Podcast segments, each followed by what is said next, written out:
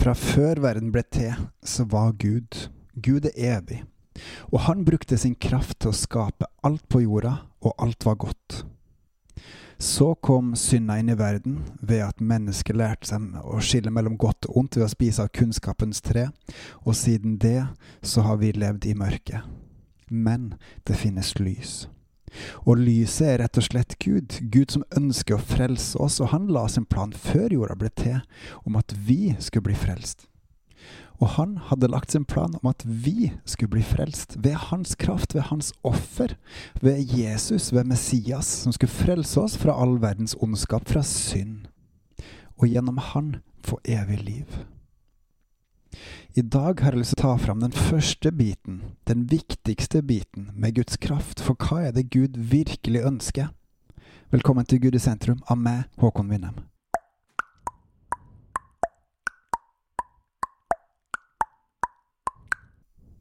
I Apostlenes gjerninger kapittel 22 så forteller Paulus atter en gang om sin opplevelse på veien eh, fra Jerusalem til Damaskus.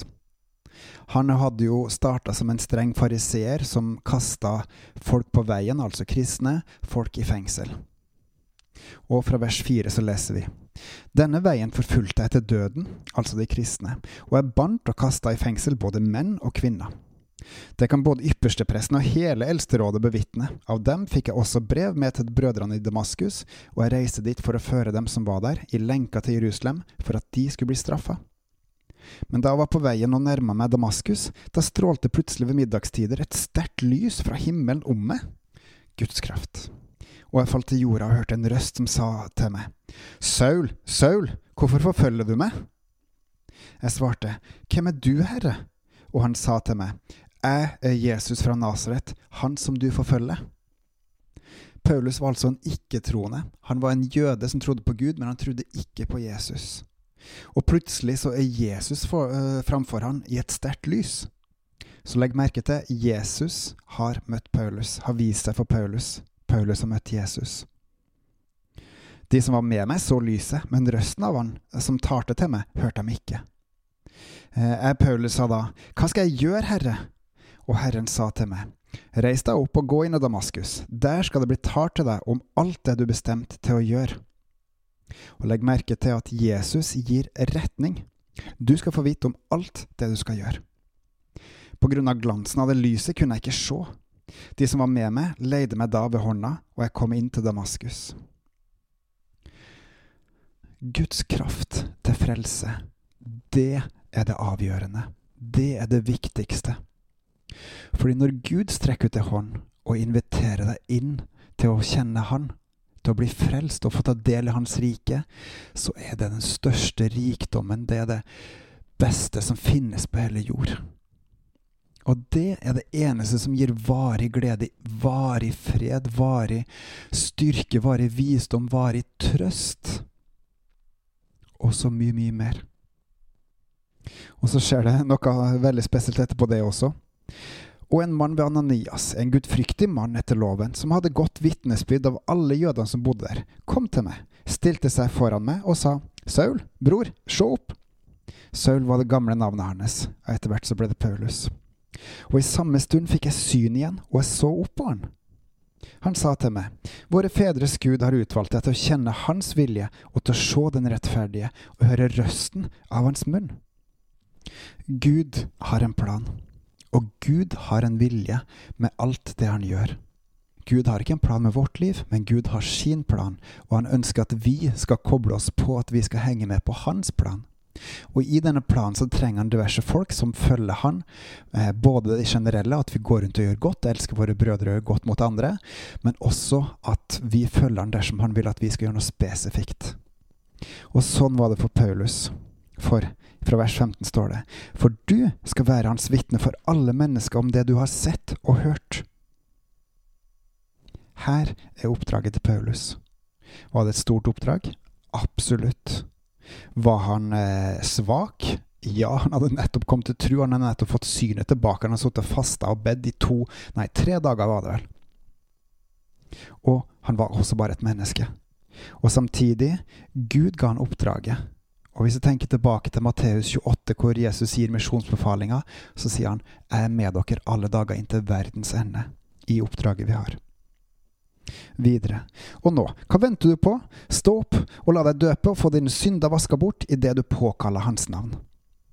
Og legg også merke til at Guds kraft vasker bort synder ved at vi omvender oss og tar imot Guds kall til å følge Han, til å tro Han og vandre med Han. Og så sier Paulus etterpå. Da jeg så var vendt tilbake til Jerusalem og ba i tempelet, skjedde med meg at jeg kom i en henrykkelse. Jeg så han, og han sa til meg, skynd deg og dra i hast ut av Jerusalem, for de kommer ikke til å ta imot ditt vitnesbyrd om meg. Da sa jeg, Herre, de vet sjøl at jeg rundt om i synagogene fengsla og piska dem som trodde på det. Og da blodet av Stefanus, ditt vitne, ble utgitt, sto jeg også der og samtykte i drapet på han, og tok vare på klærne til dem som slo han i hjel. Men han sa til meg, dra ut, for jeg vil sende til hedningefolk langt borte. Guds kraft mektig til å frelse, og Guds kraft ikke bare til å frelse den som tar imot, men også til å gi det videre. Du har Guds kraft i deg hvis du tror. Tar du imot, og gjør du det du er blitt kalt til? Vi er blitt kalt til å gå rundt og gjøre godt, til å elske Gud og elske våre brødre, og også gjøre godt mot andre. Men først og fremst elske Gud og elske våre brødre. Elsker du Gud? Elsker du brødrene dine? Bruker du Guds kraft? Lar du Guds kraft virke i deg? Lar du Han jobbe i deg? Og utfordre, trøste og formane deg? Og bygge deg opp til å forme deg som en leirklump som kan bli til et fint kar? Kast ikke bort Guds kraft. La han jobbe i deg, slipp han til, inviter han inn daglig. Og be han om å ta kontroll av ditt liv, gi ditt liv til han, for det er godt. Og Guds kraft, som er mektig til å frelse og, og mektig til å gjøre absolutt hva han vil, vil også kunne bruke det for å bygge hans rike. Legg bare merke til hva Paulus gjorde etter hvert. Han hadde et oppdrag om å gå til hedningefolkene, og gjorde veldig mye forskjellig, og mange kom til tro. Hva ditt oppdrag er, hva han vil at du skal gjøre, det kjenner jeg ikke til. Men når han sier noe, gå.